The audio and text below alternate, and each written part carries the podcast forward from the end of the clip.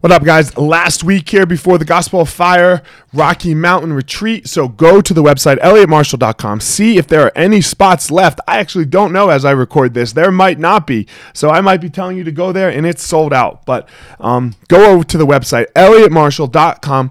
Reserve your spot for the retreat. Three hours of jiu jitsu a day over three days, Fe- February 4th through February 6th, plus two sessions of mindfulness and mindset work every single day. Man, let's go. I can't wait to see you. I'm going to be there. I hope you're there with me. ElliottMarshall.com. Go there. What's up, guys? I'm going to finish up this month with just just a little bit of Buddhism to end, right? I've, I've had this Buddhism flair for the month, so let's stick on it. Um, I have this this banner kind of or this I don't know decoration hanging in in my office here, and it says, "Remember, happiness doesn't depend on who you are or what you have. It depends solely on what you think." Man, how true is that, right? Because there's and and you know it. We all know it. Ah, you know, rich people are sad. Rich people, you know, right? Uh, sadly, some a guy like Anthony Bourdain, uber successful. You know, another guy, Robin Williams, and you know, very successful, very rich, seem to have it all, but yet they do commit suicide. So therefore, must not be happy. Correct? How can you be happy if you kill yourself?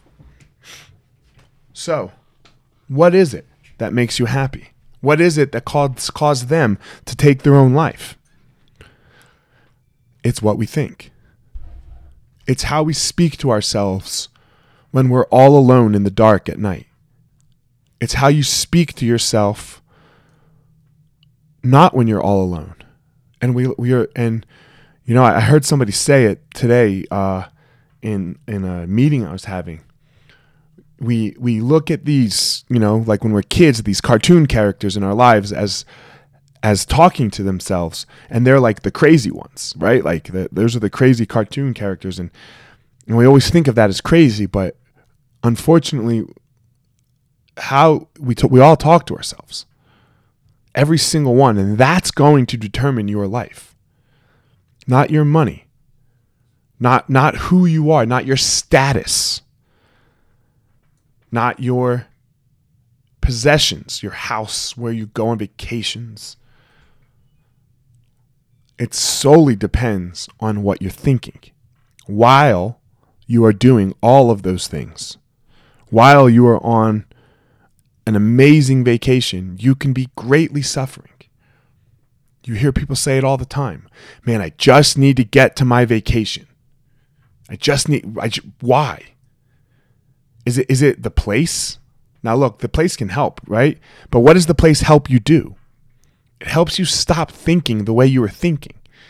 The way you the way the thoughts go the loop in your head goes changes when you go to that place.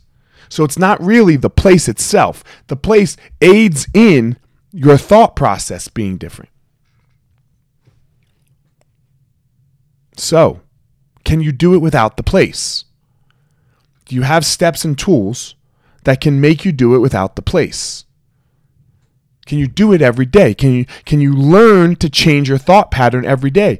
Now, look, a lot of times people think, "Oh, you know, change my change, what do you mean change my thought pattern every day?" Can you learn to have a way that when you are thinking unskillfully, that is unhelpful, how do you stop yourself and then move into skillful thought again? And skillful thought can just be neutral thought. I don't need it to be like, oh, you're the, I'm amazing, but no. It can just be neutral thought. Can you just speak what the truth is? Your life will be determined by how you think. So let's start to think skillfully. Start to journal. Get the thoughts out of your head. Get the bullshit, that loop that you seem to not be able to stop, get it out of your head right now. Right now. Have a practice of it. Now, look, why do I say you might go, Elliott, I'm not having bad thoughts right now. I understand. Everything isn't for uh, to resolve your bad thoughts. Your, the, the tools don't work that way. I want you to think about brushing your teeth. If your teeth are rotting out of your mouth and we know, oh, you should brush your teeth. So you go brush your teeth. It's not going to fucking do anything. You got to go to the dentist, get new teeth, and da da da, right? It's a pain in the ass. You've gone too far. You've let the crisis go too long. So, how about we start out of crisis like we do with our teeth? We wake up and we brush our teeth every day. Why? So that my teeth don't fall out of my mouth.